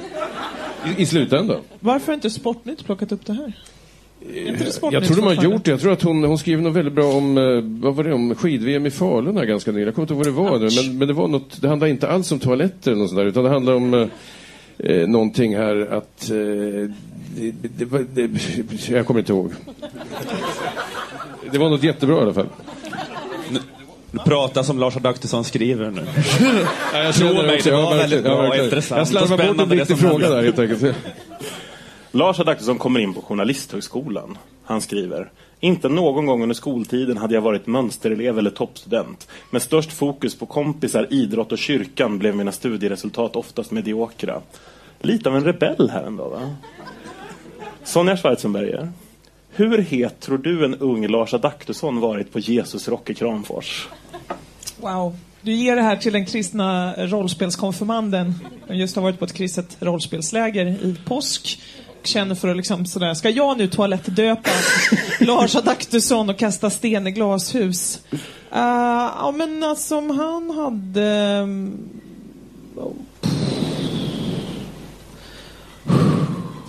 Skulle du säga att Lars Adaktusson är själva personifieringen av att man kan vara kristen och häftig samtidigt? Så här. Nej, det kommer, vi, vi kommer inte se på, på samma sätt som kristen metall, liksom. Faller på sitt eget, eh, sin egen harpa. Ehm, nej, man, man blir, jag tror inte under min livstid liksom, att vi kommer få se det, det hända. Och det är väl inte riktigt det han företräder heller. Det är här jag skulle göra mig rolig över det. Det här sitter för djupt, det här är för sorgset, det här är för svart för mig själv. Jag blir så oerhört smärtsamt Men påmind jag, min jag tycker inte att han ändå... töntighet. Han är väl inte definitionen av det tycker jag. Eller han är väl inte så här den... Han är inte den rivigaste predikanten i en sydstatskyrka liksom. Om, om man ska prata tu- tuffa kristna. Fast nu, skåda blicken där igen. Den är lite... Ja, men det, alltså, Är det tog, jag tror att typ att det togs väl ungefär 10 000 foton innan det där eh, valdes ut. Samtidigt växte mitt intresse för politik och samhällsfrågor i bred bemärkelse. På högstadiet i gymnasiet läste jag de politiska partiernas program och skrev insändare mot kommunismen och vänstervågen. Alltså, han gick på gymnasiet. Vad skickade han de här insändarna? Det är en bra fråga. Jag vet inte, vad fanns det på? Det? Kontras? Vad heter det? Jag minns inte vad det fanns. Men Direkt togs till de emot? Sivert kanske? Mm. Fantomenklubben. Mm. Ja, där fanns det ju verkligen mycket Mm. intressanta insändare. Jag minns att det var stora debatter om Vietnamkriget på Fantomens insändarsida. Mm. De flesta tog ställning för Vietnamkriget. Eh, Det påverkade mig ganska starkt faktiskt då, Mm. för länge sedan. Men min far rättade till mig så att jag fick rätt uppfattning sen. Mm, Jag ljög att jag var stormästare i Fantomenklubben. Det var ju så, så liksom i behov av häftighetsmarkörer jag var. Jag minns Men det var ganska tung, tungt det där när det var så här inlägg av eh, Red, alltså redaktören, så här, efter, som verkligen klarade ut vad som gällde Ja. om olika saker. Men hade Även redaktören en Vietnamkrigsvänlig linje då? Det var Jag- tidningens jag- jag- officiella. Ja, jag har någon svag känsla av att det var så faktiskt. Men jag, jag har inte gjort någon källkoll här riktigt. Men, Men vad då använde du den här kodnyckeln i Fantomenklubben och då stod det så här Nej, det här var insändare i varje Fantomennummer fanns det ju en insändarsida. Och så, eh, med en redaktör som... eh, Fantomen talar, ja. Ja, som slog fast vad som gällde sen. Kan det vara så att Lars Adaktusson var chefredaktör för insändarsidan i Fantomen? Det kan vara så, kan vara så. Nej, det är Ronny och Ragge, Fredrik Granbergs pappa, Per Granberg, som har varit det alltid. nu har Lars Adaktusson fått jobb på Ekot och Palme har blivit mördad. Han skriver, Staffan Schmidt uppmanades att hålla sig till den beredskapsplanering för situationer av nationell sorg som fanns i dokument förvarade i ett speciellt kassaskåp. Nyckeln till kassaskåpet fanns i en liten röd inglasad box i radiohuset. Schmidt krossade glaset på boxen, låste upp kassaskåpet och tog fram den tal- omtalade mapp som var märkt KD. Förkortningen stod för Konungens död. Och i mappen fanns en del instruktioner, larmlistor som skulle visa sig vara inaktuella samt LP-skivor och rullband med sorgemusik. I kassaskåpet hittade Schmidt till sin förvåning också en revolver, dock utan ammunition. Palmevapnet. Alltså det här var nog det enda som liksom verkligen fick upp mitt intresse i hela boken. Vad är det där för jävla zombiekatastroflåda? Men eh, det vet alla som har varit medarbetare på Sveriges Radio att det finns i lilla akutboxen. Samtliga P4-stationer. Revolvrar? Ja. Men sen också den grejen att nämna Ja. den här pistolen och sen aldrig ta upp det igen eller förklara vad det var eller varför låg det. Det är också så helt dramaturgiskt. Man gör inte så. Det är som så här, den här sägningen att om det hänger en, ett gevär i första akten på väggen då måste det avlossas innan första akten är slut. Annars säger alla så här, vad, vad händer med geväret, vad händer med geväret? Och kan inte koncentrera sig på resten av pjäsen. Här är det så här, jag tänkte hela resten av boken, vad är, med den här, vad är det med pistolen? Varför, vems, varför, hur? Och det är uppenbart för att de sekulära hårdrockarna ska ta sig in och ta över stadsradion. Men det hade krävts att det, det slutade med att han sköt Janne Josefsson alltså. För att det hade, skulle ha gått ihop eller? Jag vill ha långa bågar, jag vill ha pistolen på slutet igen, någonting. Kan ni komma tillbaka? Pistolen, håret, Gud. Nej, men det är samma snyggare. dramaturgi som i jordskott eller någonting i den här. Alltså det är scen på scen men det är ingen handling förs framåt egentligen. Det, det, bygger, det är en lång stämning. Utan ände. Det, det är himlen. Det, Är det din syn på paradiset, Göran Greiner? att ingenting händer, ja. Det är en bra blurb för pocketutgåvan i och för sig. Göran Greider, det är himlen. nej, nej, hel- I helvetet, det är ju där det händer en massa grejer hela tiden. Ingen inte- lugn och ro. Nej, just det, i och för sig. Helvetet, det är de andra. dina handlingar på senaste tiden. Nu så börjar han skriva om, om så här satsningarna mot Afrika och liksom mot svälten i Afrika. Och då skriver han så här. Den internationella insamlingen Live Aid fick enormt genomslag. Vid jultid 1984 tändes ljus över hela världen för Etiopiens hungrande. En global rockkonsert direktsändes i TV och den brittiska artisteliten förenades i Bob Geldofs gripande sång Do They Know It's Christmas. And there won't be snow in Africa this Christmas time. The greatest gift they'll get this year is life. Where nothing ever grows, no rain nor river flow. Do they know it's Christmas time at all? Alltså, okej att Adaktusson har en väldigt generisk musiksmak. Men behövde han verkligen skriva ut texten här? Men det kanske är lätt, uh, vän av ordning, att sådär, uh, att tänka att för det här är så pinsamt för att det var då. Och det är väl liksom på det viset han, han minns tillbaka. Men, men jag skulle kanske kunna nynna på, på någon liten slagdänga nu som skulle vara oerhört pinsam 30 år senare. Fast skulle du skriva att du nynnar på den i en bok? Nothing compares to you. Inte så pinsamt. Nej, okej, okay, okay, jag kommer inte på något roligt exempel där ändå. Uh, men det var ju härligt att han kör både... Jag tycker om det här, det här är så oförskräckt. Det här är apropå liksom, öppenheten ändå. Liksom, först Bono, sen det här. Han kan ju inte göra det utan att veta att det här är liksom så öppet mål för komiker i ungefär 20 års tid att liksom göra sig lustiga över. Uh, och ändå går han dit. Det är som att han liksom öppnar skjortan här och bara mm, Suck it. Det är också lite intressant att han gillar liksom den mest vad heter det, etnocentriska texten som har skrivits. Det kommer inte snöa i Afrika. Uh, och de vet inte om att det är jul, eller de är och så, inte och kristna. så är det eller, Etiopien liksom, som ja. är det mest, ett av de äldsta kristna länderna. Ah, okay, liksom. så. Ja, okay, då var det jag men, som men det är angående den svältkatastrofen, eller hur? Och så är det ändå så här, det är ett av de liksom, äldsta kristna länderna. Det finns jättemånga ortodox kristna där och, och protestanter också för den delen. Hyfsat medvetna om att det är julafton. Jag är rätt så medveten om att det är jul helt klart. Så att det är provocerande att inte det reflekteras över. Lars Adaktusson kanske inte läser de här artiklarna vi gör från Twitter. Som har uppmärksammat eh, oss på det här senaste tiden. Han fortsätter med att skriva om USA. Att sociala klyftor och utanförskap är ett problem i USA har helt överskuggat det faktum att världens största och mest välmående medelklass finns i samma nation. Det faktum att USA kan kritiseras för krigsföring i Vietnam och Irak har helt överskuggat det faktum att amerikanska soldater vid flera tillfällen gett sitt liv för att rädda Europa. Utan amerikanska uppoffringar hade Sverige och andra länder med stor sannolikhet blivit nazistiska lydstater eller delar av ett kommunistiskt Sovjetunionen. Utan USA skulle en demokrati och mänskliga rättigheter inte vara självklara fundament i fria nationer runt om i världen. Nu vill inte jag bli indragen i en kulturdebatt med Expressen Kultur. Men vi måste väl ändå lyfta frågan om inte Sovjet var lite involverade just i kampen mot nazismen. Mm, det var de. Men um, stora delar av Nazitysklands förluster var på östfronten. Uh, Hur många divisioner föll där? Uh, komma ut som en sån här creepy kille som kan för mycket om militärhistoria här. ja. Nej, men, men, han, men han, säger, han säger väl i och för sig det att annars risken att det hade varit kommunistiska länder, att uh, det är nog kanske hans då, syn på andra världskriget att USA räddade inte Europa från nazismen utan från kommunismen. För att hade Sovjet befriat oss allihopa. Jag tänker att det här är liksom språngbrädan för Adaktussons eh, USA-vurm som sen kommer att pågå ett antal sidor eh, framöver som väl egentligen mest har att göra med att Adaktussons hår hade varit väldigt framgångsrikt i USA. Ja. Men jag tycker alltså det där avsnittet om USA är bland det värsta jag har läst. Eh, alltså jag tycker det är så, alltså han tillber en avgud där alltså. Han, han borde i egenskap av troende kristen har bromsat eh, under skrivandet där och sagt till sig själv jag hädar genom att tillbe USA.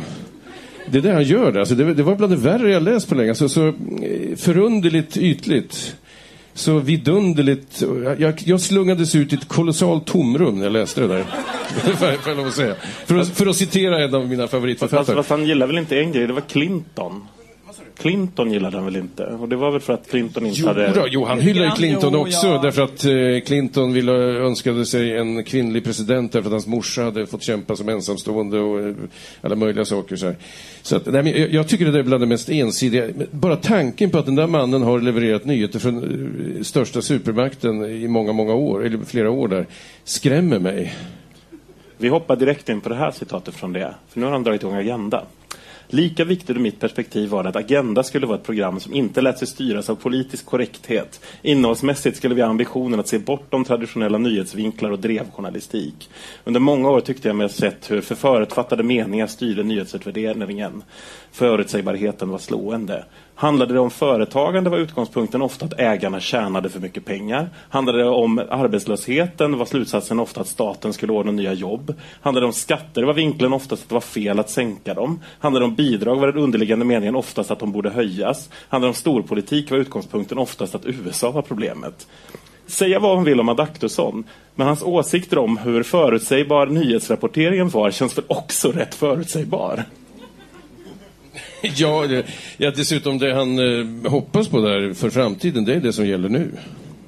Ja, men så Ja, ser det ut nu. Så det. det, allt det han saknar är det som nu gäller i nyhetsrapporteringen. Skattehöjningar är dåliga och så vidare, hela listan. Man kan bara vända på den så har man en beskrivning av hur Agenda och eh, mycket nyhetsförmedling ser ut idag i SVT. Jag Sitter tycker du lite och grann kokar att det nu, är så.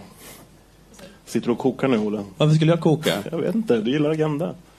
jag gillar Agenda. Men inte just Agenda, men alltså hela nyhetsförmedlingen är ju ändå så att så fort eh, regeringen vill höja någon skatt här med, med en procent eller någonting så eh, träder hela public service ut och säger att det blir bara problem. Så är det ju nu. Alltså. Och det där är ju, om vi nu ska vara riktigt allvarliga här och, och låta det här bli ett politiskt ABF-möte så, så kan jag säga att jag är kritisk till att detta sker. Vad är Lars Adaktusson? Det där var inget Opartiskheten. ABF.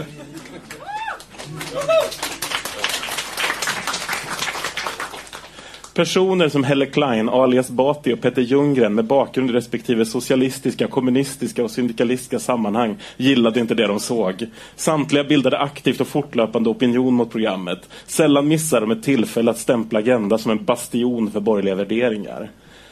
Men alltså, utan att vara för eller emot det här så är det väl just precis de värderingarna som han just beskrivit som så här spännande och fräscha. Alltså vad är problemet för honom med den här kritiken? Ja, att de borgerliga värderingarna är spännande och fräscha. Ja. Ja. ja, men precis för att det är att han tycker att det finns en politisk korrekthet som då går ut på att vara sådär maktkritisk och liksom eh, ha något sånt perspektiv hela tiden. Men att, jag menar att han- hans idé om spännande politisk inkorrekthet är ju hela tiden av vinkeln, men tänk om makten har rätt? Tänk om det är som de säger? Jag frågar dem lugnt och så berättar de och så tror jag på det. Att det är det som är hans då, så här, subversiva, spännande politiska inkorrekthet. Som man återkommer till väldigt ofta. Att den samlade svenska journalistkåren ideologiskt står längre till vänster än befolkningen i övrigt är ställt utom allt tvivel. Adaktusson gör ett specialavsnitt av Agenda i samband med 9-11 och skriver Tyvärr kom diskussionerna efteråt att kretsa kring andra och i sammanhanget mindre relevanta frågor som att det var för få kvinnor i programmet och att Rapports Claes Elfsberg inte hade fått vara med i studion. Summerar inte det här lite problemen med den där grabbiga humorn på SVTs nyhetsredaktion Jan Adaktusson gillar så mycket? Världens största nyhet, inga kvinnor i studion och en man som ändå känner att han inte får tillräckligt mycket utrymme. Ja, men jag tänkte också på det där med eh, det här med att de är, eh, att han sa att det är ställt utom varje rimligt tvivel att journalistkåren är vänstervriden, att det finns några sådana opinionsundersökningar av att det är lite rödgrönt lutande ur journalister i allmänhet röstar. Men när det gäller sådana liksom eh, högprofilerade TV-face som är liksom politiska eh, ra- eh, journalister så det känns som att det är ett krav att de alltid ska vara borgerliga. Är det inte så? Att så här, Adaktusson och Karin Hübinette, Mats Knutsson, de är utslag på borgardar lite grann för en. Och så alla, så alla de här objektiva liksom, eh, kommentatorerna då. Eh, så liksom KG Bergström, Margit Silberstein, Katarina Barling, vad heter de, Jenny Madestam. Råborgerliga allihopa. Man känner det. Dessutom är så någonting, så- det är värt att påpeka, alltså, det är sant att eh, journalistkåren drar lite åt vänster, totalt sett. Men i slutändan är det ju inte journalistkåren som bestämmer vad som står i tidningen. Det är nyhetschefer och chefredaktörer. Alltså, och de, eh, om man tittar på inkomster och annat så befinner de sig högt upp i de borgerliga skikten helt enkelt. Så att det är det som är, om vi nu ska ha en, en, en viktig sak att föra fram här så tycker jag att det här är det enda som bör sändas ut. Ja, Men så om måste vi man, nu- ja. Ja, men det är ägars, äg, ägarna och ledarsidorna, men de, men de här som blir utlasade hela tiden, lite mer rödgröna emellanåt. Ja. Bra sammanfattning. Men man får skilja på journalister som skriver om politik och sådana som eh, skriver om att liksom tova garn eller så här också. Det gör man inte alltid i de där mätningarna. Men framförallt det med nyhetschefer, alltså som, eh, som till slut bestämmer vad som ska finnas med. Vilka, och då är det ju makt. Jag tycker att det är enda som är riktigt värt att rapportera om det här jävla miljöpartiststyret på Sveriges Radio. Vad fan, skärp er och sluta rösta fram nyckelharpor. Det är en kris. Nu kommer vi till en annan av Adaktussons naturliga fiender, nämligen den grävande journalistiken. Det gäller inte minst det som kallas den grävande journalistiken. Själv har jag genom åren blivit allt mer tveksam till särskilda redaktioner för journalistisk granskning. Samhällsjournalistik är per definition undersökande och ansvarsutkrävande. Begreppet grävande journalistik är egentligen en tautologi. Ingen talar om botande läkare, utbildande lärare eller bakande bagare. Är det inte en smula märkligt ändå att Adaktusson kör så hårt med det här trots att hans egen valkampanj var just skicka en undersökande journalist till Bryssel? Menar han att det finns journalister som inte undersöker saker? De var upp, tvungna att uppfinna den här tautologin efter hans bevakning av Percy Barneviks eh, pension. hans vinkel på det var, är det fult att tjäna pengar i Sverige? Eh, då var man att, eh, det finns vissa journalister som inte är grävande, då måste vi skilja ut dem. Ja, men det är roligt att han, ta, att han stör sig så på det, för man skulle kunna möjligen anklaga den här boken lite grann för att liksom, slå in öppna, jättemånga öppna, öppna dörrar, sida ut och in. Dörrar som inte går att låsa. Nej, nej aldrig. Den dörren är avhakad. Ja, finns inga dörrar överhuvudtaget. Nej. Nej men det ligger, alltså det här kritiken av, vad var, jag vet inte hur han beskrev hela Uppdrag granskning Alltså det ligger Jag kommer något- till det. Ja, du gör det kanske. Nu. okej. Mm.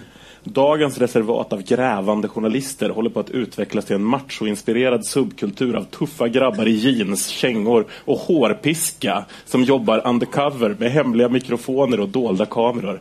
Inte sällan använder de sig av falsk identitet, fejkade visitkort och egen spaning. Alltså vad är det här för porrskådisar han pratar om? Det är liksom... Oh, nu är han.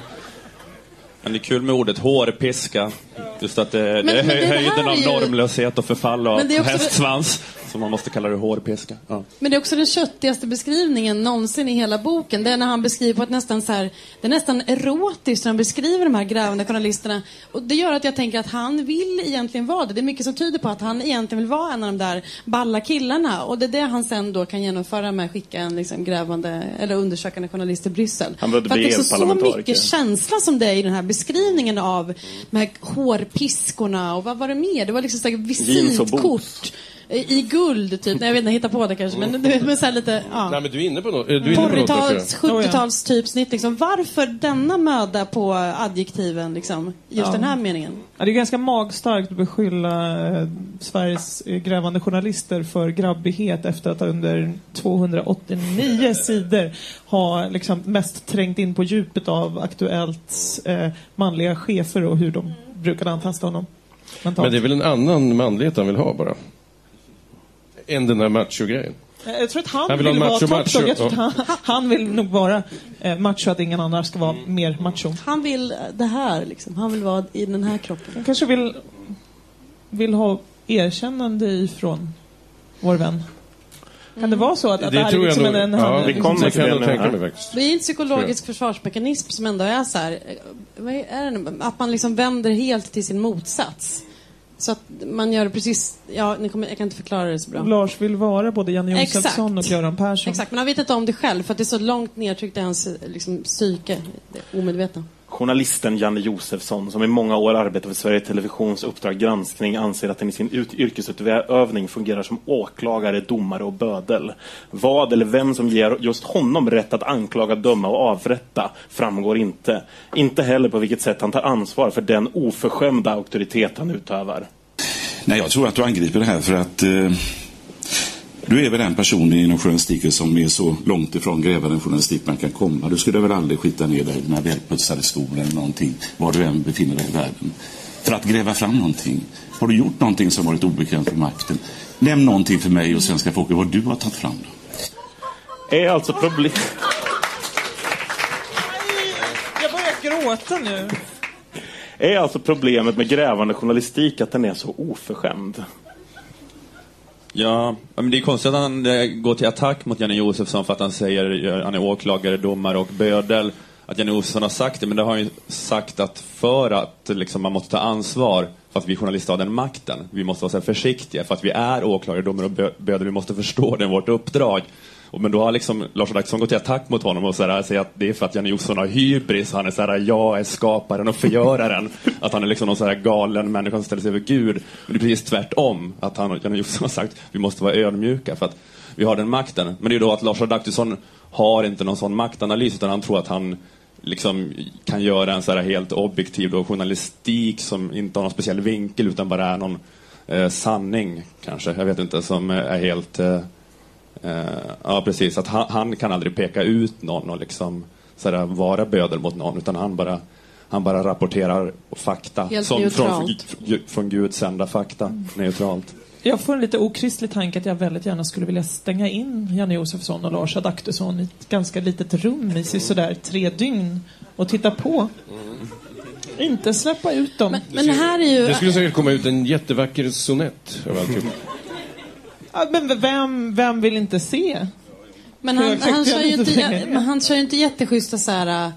Eh, ja, men han kör ju lite härskartekniker här, Janne Josefsson, i just den här, i det här samtalet. Så gör han ju flera sådana grejer. Han säger så här, nej, men när, ja, jag får inte ens in den kanalen om TV8. Och, alltså, han gör ganska många sådana dryga spår. Du har väl aldrig skitat ner dina fina välputsade skor? Alltså, han, han, han Ja, det kanske han inte har då, då men han använder lite...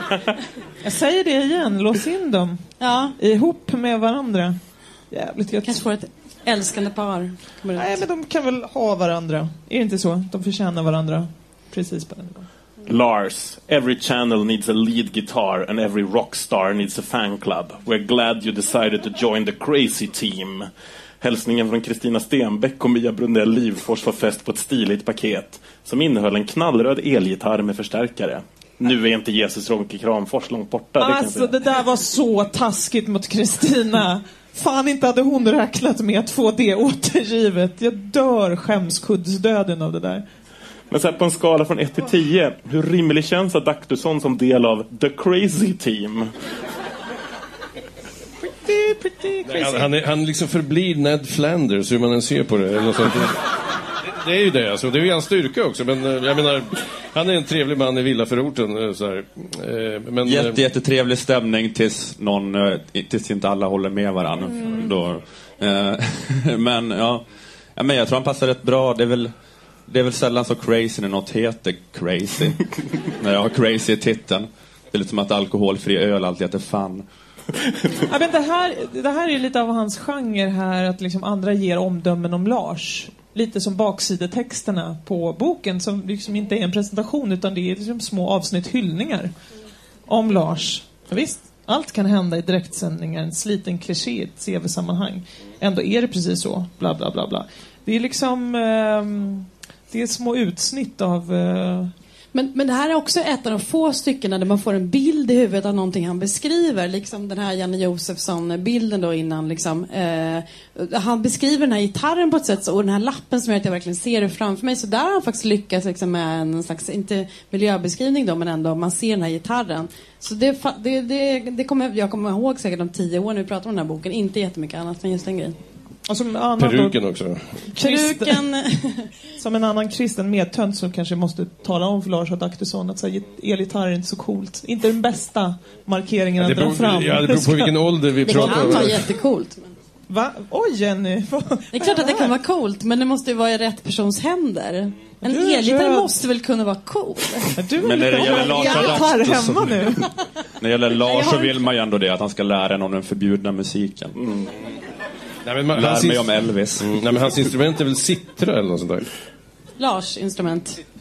Det vore lite coolare. det är liksom hela frikyrkliga traditionen. Göran, glöm inte mikrofonen. Alltså, va- ni borde ha sådana här myggor, eller vad heter. Eh, nej men eh, sittra är väl det som passar ihop i den här frikyrkliga traditionen. Den frisyren och en sittra. Alltså inte, och inte se ut sådär då, utan Men annorlunda. att han ska åka till Goa och finna sig själv. Ja, det, det också, det också. TV8 är och förblir en nischkanal. Icke desto mindre har den kommit en bra bit på väg i ambitionen att erbjuda attraktiva alternativ och viktig konkurrens. Förlåt, det är väldigt jobbigt att läsa den i retrospekt. Eh, I den pågående utvecklingen av svensk public service-television är TV8 idag det mest spännande projektet. Oj.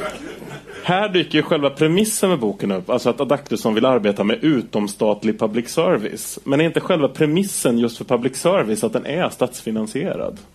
Vad säger ni som är journalister där? Not according to Lars. Nej, men det, är väl, det, det vill han. Han, han försöker Ja. säga så att man kan göra ett samhällskritiskt liksom, eh, konkurrerande eh, program. Om, jag menar, nej, jag hade inte kallat det public service utan jag tänker att det liksom... Men kan han inte hitta på något annat namn då? Måste, det, måste han liksom kalla Nej, det jag public tror att det är service då? viktigt för hans trademark och hans stolthet liksom, att göra det. Det gick ju inte jättebra på, på SVT. Och sen är det väl det sorgliga att liksom, han skördar ju premissen för sin tes både i början och slutet, nämligen det att liksom, det här läggs ju ner. Det slutar med att Adaktusson måste gå ifrån TV8 därför att så här, skräll public, den, den kommersiella public service eh, valde att säga oj, nej men vi har nu inte råd med dina eh, samhällsprogram för att ingen kollar på dem. Så att, eh, då åker de i graven. Man, man kanske kunde tro att, eh, att han hade ifrågasatt sin Tes men, lite där. Ja, men I Nej. teorin så kan det väl, man kan ju tänka sig teoretiskt att eh, public service kommersiellt skulle kunna funka. I praktiken gör det ju inte det. Vilket han, eh, skriver inte han om det om TV4 som har mins, som någonting, de hade minskat, inget kulturutbud och sådana grejer. Så prakt, all praktik talar emot det han tror på helt enkelt. Och det, men det drar han inga konsekvenser av utan han fortsätter att köra huvudet rakt i väggen. I de här frågorna med public service. Lars Adaktusson lämnar TV8, precis som Sonja säger. Han skriver så här. Först blev jag uppringd av Anders S. Nilsson på TV4 som frågade om jag ville testa som programledare i underhållningsklassikern Parlamentet. Därefter ringde en av partiledarna för att höra om jag ville, var intresserad av att bli partisekreterare. Efter att ha funderat tackade jag dock nej till båda. Ola Söderholm, du har ju arbetat på Parlamentet. Tror du att Adaktusson kunde ha räddat formatet? Um nej. ja, jag vet jag, jag, jag, det låter jätte, jättekonstigt. Jag hade inte alls hört talas om det där. Men eh, det är väl kanske en rolig, eh, rolig pilot att ha liggande på Jarowski och plocka fram och kolla på ibland i alla fall. Om man hade gjort det, jag vet inte. Lars räddar inte parlamentet. Nu ska han rädda David Isaac. Vad tyckte ni om det kapitlet? Han beskriver liksom sin räddningsprocess där. Jag hoppade över det kapitlet. Förlåt, jag är, jag är den sämsta människan i panelen. du är kristen, det, jag förstår att du säger så. nej, men det ingår i... Skulden. ja, precis. Nej, men, eh, nej, alltså, det var ju lite, alltså, jag var ju väldigt utmattad när jag kom till slutet där, så att jag läste också lite översiktligt kan jag säga. Men, men, eh, men jag får en känsla av att här tyckte han att han hade hittat sin stora grävande sak egentligen. Och det hela mynnar ut i praktiskt taget ingenting. Eh, och det är väl så det går med väldigt mycket i hans bok då helt enkelt. Eh, så att jag, jag tyckte väl att det var lite sorgligt nästan att han hade fäst så stora förhoppningar vid den här, källa, vid den här personen som skulle leda dem till och fria honom och det blev ingenting. Eh, så att det var väl nästan lite sorgligt att läsa det där tycker jag. Sen, var det ju, sen är det ju så att den reella tragedin tränger sig in där. Och det är en fruktansvärd historia om David Isak där. Men, men Det är ändå behjärtansvärt att han är engagerad. Ja, det, det är inte det. den bästa angreppspunkten, så här, Ja. fuck dig för ditt engagemang. Ja, nej, men absolut, nej, men exakt. absolut, alltså, Men man känner ju att han hade hoppet om ett skop där som skulle knäcka den mannen på, på bilden där. Janne Josefsson, vilket inte, inte lyckades då. Nej, men det är ju så han gör systematiskt för att förmedla liksom, bilden av sig själv som empatisk. Eller så, så hans empati eh, eh, tar sig uttryck är ju i krigshärdar. Är liksom offer för krig och väpnade konflikter på olika sätt. Samvetsfångar, politiska fångar, eh, svältande barn, Moder Teresa. Ehm, det, det är så, tror jag, där Lars empati finns. Inte med andra svenska journalister riktigt.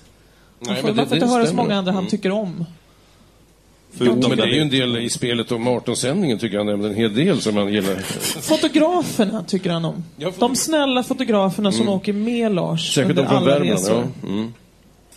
Sedan berättar Lars om sin testikelcancer. Hastigt och med viss dramatik hade jag hamnat där efter det jag trodde skulle bli en enkel undersökning på en vårdcentral.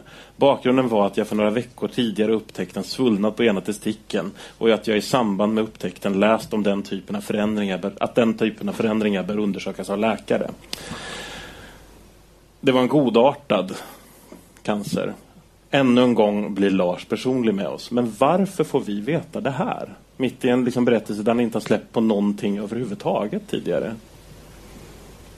Nej, men det, det tycker jag också är konstigt. Jag tänker att de borde lagt det här tidigare så vi hade kunnat... För här berättar han ju ändå saker om hur han känner inför det här och hur han blir tacksam för livet. Och det hände ju också ganska tidigt i hans liv så han skulle ju kunnat droppa det här mycket tidigare. Han var 27 år gammal. Han var 27 år gammal och han hade, två, han hade i alla fall ett barn och han hade sin fru och så här.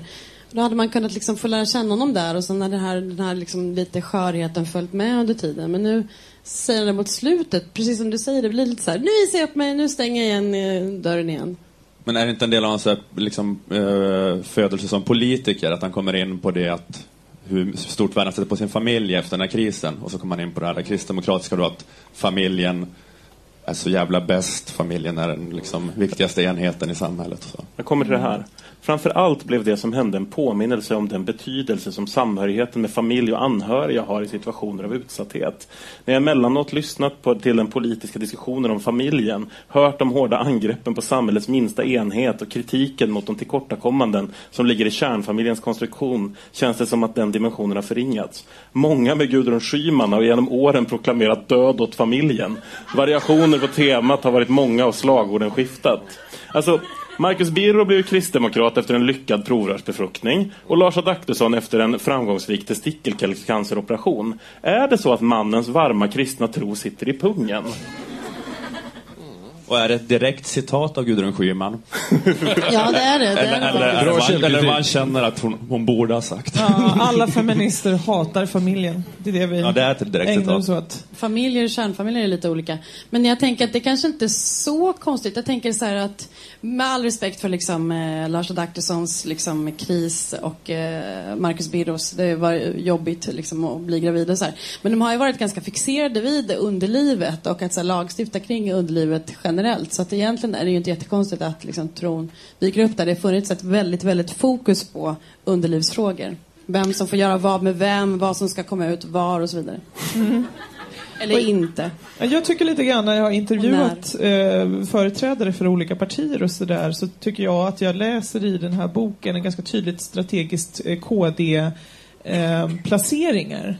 Nämligen liksom att, att tala lite lagom om, om olika liksom emotionella saker. Jag menar, det är, ju, det är vad som händer i testikelcancern är liksom ett sånt klockrent exempel. Det är liksom ungefär näst sista sidan som Ja. kommer in. Så bygger han upp med liksom human touch. Det är vad det här Det är lite testikelcancer och sen så avslutas det i Sarajevo eller om det, om det är Bosnien med eh, en tragedi. Så att, eh, ja, jag känner igen det här från, från Skyttedal. Vi kommer nog få se, se mer av det här. Någon informatör borde dock sagt till honom att korta lite, liten smula kanske. Min farmor och farfar hette Emma och Gustav Adaktusson. Det ovanliga efternamnet tog farfar efter sin far Adaktus Jönsson. Redan som grabb fick jag lära mig att efternamnet var latinskt och fanns i den svenska almanackan på 1800-talet. Stavningen har varierat genom åren. I almanackan stavades namnet på samma sätt som det katolska helgonet Adaktus. Kände ni liksom jag att det var värt att läsa hela den här boken bara för att veta bakgrunden till namnet Adaktus? Ja. Ja, det där tyckte jag var ganska... Det, det togs ju, den här boken tog sig väl lite på slutet med te- testikelavsnittet och sen eh, barndomsavsnittet. Jag tyckte trots allt kunde... Hade det varit i början så hade det blivit en annan färg över hela målningen alltså. Men då hade han ju inte kunnat betona sin status som tv-journalist lika starkt. Då, eh, så att det var säkert problem. Men jag hade nog föredragit en traditionell biografi över honom själv lite mer kronologiskt. Så, här. så hade det nog ändå hänt någonting med resten av texten. Så att, eh, jag var ju glad över de där avsnitten. De kändes ju som ett regn efter lång torka. Kan jag säga. Johannes, vi fattar ju att du också, det var där du kläckte Galactusson. Så jag fortfarande tycker det är ganska roligt. Det är jätteroligt. Och Cylon-känsla på det. För att avsluta det här nu då. Vad handlar den här boken om egentligen? Göran? Jag säger det jag sa inledningsvis, alltså, den handlar om eh, den svenska borgerlighetens själ. Läs den här boken. Ja, ja, ja, det gör det. Det handlar om testiklar. Nej, men den, den, säger något, vi- alltså det är viktigt eh, för mig som vänstertyp då, så är det ganska viktigt att läsa sådana här böcker emellanåt. Därför att eh, halva befolkningen kommer att ha det här flytande i sina hjärnor, va? den här typen av tankegångar. Eh, Så att eh, min lista med de tio viktiga böckerna för, för att förstå eh, till exempel då svensk borgerlighet, den har utvidgats nu med den här, den här Adaktusen-boken. Så jag är glad över att du tvingade oss att läsa den här. Vad säger du, Sonja? Vad, jag- handlar vad jag boken om? Vad, vad den handlar om? ehm, Ja, men det är en väldigt bra sammanfattning för alla er som liksom jag haft lite skuld över att ni inte riktigt kommer ihåg vad som hände på Balkan när ni var 11 år eller hur det var med Monica Lewinsky-affären eller Palmemordet eh, eller när Lars eh, direkt rapporterade från andra. Det är många krig i ganska enkelt lättläst format. Ja? Nej, men alltså, det, det är en fantastisk eh, revy över kavalkad över händelser från 75 och framåt. Men vad har ni lärt er av att läsa den här boken? Ola Söderholm? Um, jag vet inte, ja, men det är, det är intressant med den här liksom, eh, då idealet för den här eh, borgerliga, skönt politiskt inkorrekta eh, samhällsjournalistiken. Att det är den här liksom paraden av människor han rapporterar om att han har träffat, att han till slut har fått träffa dem. Alltså det här med, när han träffar Kristina Stenbeck tycker jag är väldigt märkligt att han får henne att komma liksom eh, Eh, och blev intervjuad i hans eh, program. Och sen så himla, och det han får ut av det då, det som han fick ut av intervjun var att hon var en driven företagsledare och en skicklig kommunikatör. Säger han. Så att han liksom, man, det är så jävla bra när man får träffa en sån stor kapitalist som är mediatränad. Eh, då har man liksom haft en bra dag. Sen så skryter han om att han får så här tack-sms från henne dagen efter om hur nöjd hon var med intervjun och att hon har fått massa mail. Det här- Gamla pojkvänner. Ja, Mm. det var Från, sån jävla PR-succé för Kristina Stenbeck det här. Och, eller det är väldigt, väldigt, väldigt konstigt att han lyfter fram det som en så här äh, fjäder i hatten. att eh, att Kristina Stenbeck haft en så mysig stund i hans grillsoffa. Jenny, vad har du lärt dig? Vad jag har lärt mig? Ja, men lite så här, så här är det i en vit mans liksom, homosocialt orienterade högerhjärna. Liksom, eh, med, med en person som inte har så mycket kontakt med sina känslor och där det bara är liksom, vissa delar av hjärnan som har kontakt med andra. Eh, eller så har han ett jättestarkt liksom, överjag då som trycker ner detet och så när som helst kan den här grytan explodera och locket bara flyger av. Då blir han ett kanske då blir han så här som den här uh, saxofonspelande uh, Janne Josefsson-figuren med. Jag längtar efter det ögonblicket. Sonja? Han ruskar sitt frasiga hår. Ja, men jag börjar bli lite orolig att jag, kan, jag, jag kanske är höger. Jag kanske är kristdemokrat. För jag hittade inte på de här sidorna någonting som riktigt gjorde mig irriterad. Eller upprörd eller som jag har någonting att säga emot. Jag tror det Men var meningen. tråkigheten, gör inte det att du blir upprörd? Jag tycker det är så tråkigt skrivet att det nästan är straffbart. Ja, det är Hårdare väldigt straff. tydligt. Nej, men det är ganska tydligt skrivet allting. Och det är liksom kort sammanfattat. Han lägger liksom inte ut extra text förutom då när, när han pratar om att Carl Bildt säger för fan. Alltså det är, det är mycket liksom creddning av hur han fick olika intervjuer som man kanske kunde stryka. Men det är, jag hade lite, jag hade lite skräck att det som skulle hända är att jag liksom transformeras till Lars Adaktusson ikväll för det finns så väldigt lite Eh, att Läs säga om det inte här. Winston Churchills självbiografi i så fall, för att eh, då kommer det förvandlas till en kolonial krigsherre till slut. han skriver mycket bättre. Så att, eh, han, han skriver ju bättre också. Det är kanske precis det svensk feminism behöver. Vad har du lärt dig då, Göran? Nej, men jag har väl... eh, Eh, jag, för jag återvänder till det här. Alltså, för jag tycker det, ofta, jag har ju läst en del böcker av den här typen, alltså med folk längre. Jag läste Nancy Reagans självbiografi en gång i tiden till exempel. Eh, och sånt där är ju väldigt nyttigt. Alltså. Jag, jag ser det som väldigt nyttigt. För jag återkommer till det för att det är lätt hänt att um, om man är en vänsterperson så pratar man mest med vänsterpersoner och så här. Det är viktigt för oss alla att lära känna varandra på de olika sidorna. Va? Det, så att det är det som är värdet här. Va? Och jag tycker han, eh, trots att det inte är så levande gestaltat och han undviker, han har svårt med anknytningsteorierna kan man säga. Eh, så är det ändå klart och koncist berättat och eh, eh, man får också en kavalkad av de viktiga händelserna sedan 75 och framåt. Eh, så att jag tycker då att eh, ja, det är mödan värt att läsa den här boken. Jag har i alla fall lärt mig att det går att skriva en bok som nästan inte klarar Turingtestet. Att en mans varma kristna tro sitter i pungen och att det alltid finns plats för lite mer Claes Elfsberg. Nästa Flumskolan spelas in redan på tisdag nästa vecka på Pustervik i Göteborg. Då läser K. Svensson, Ina Lundström och Camilla Storgadius Carl Bildts Hallänning svensk europé från 1991. Ge panelen en varm applåd. Flumskolan är slut för idag.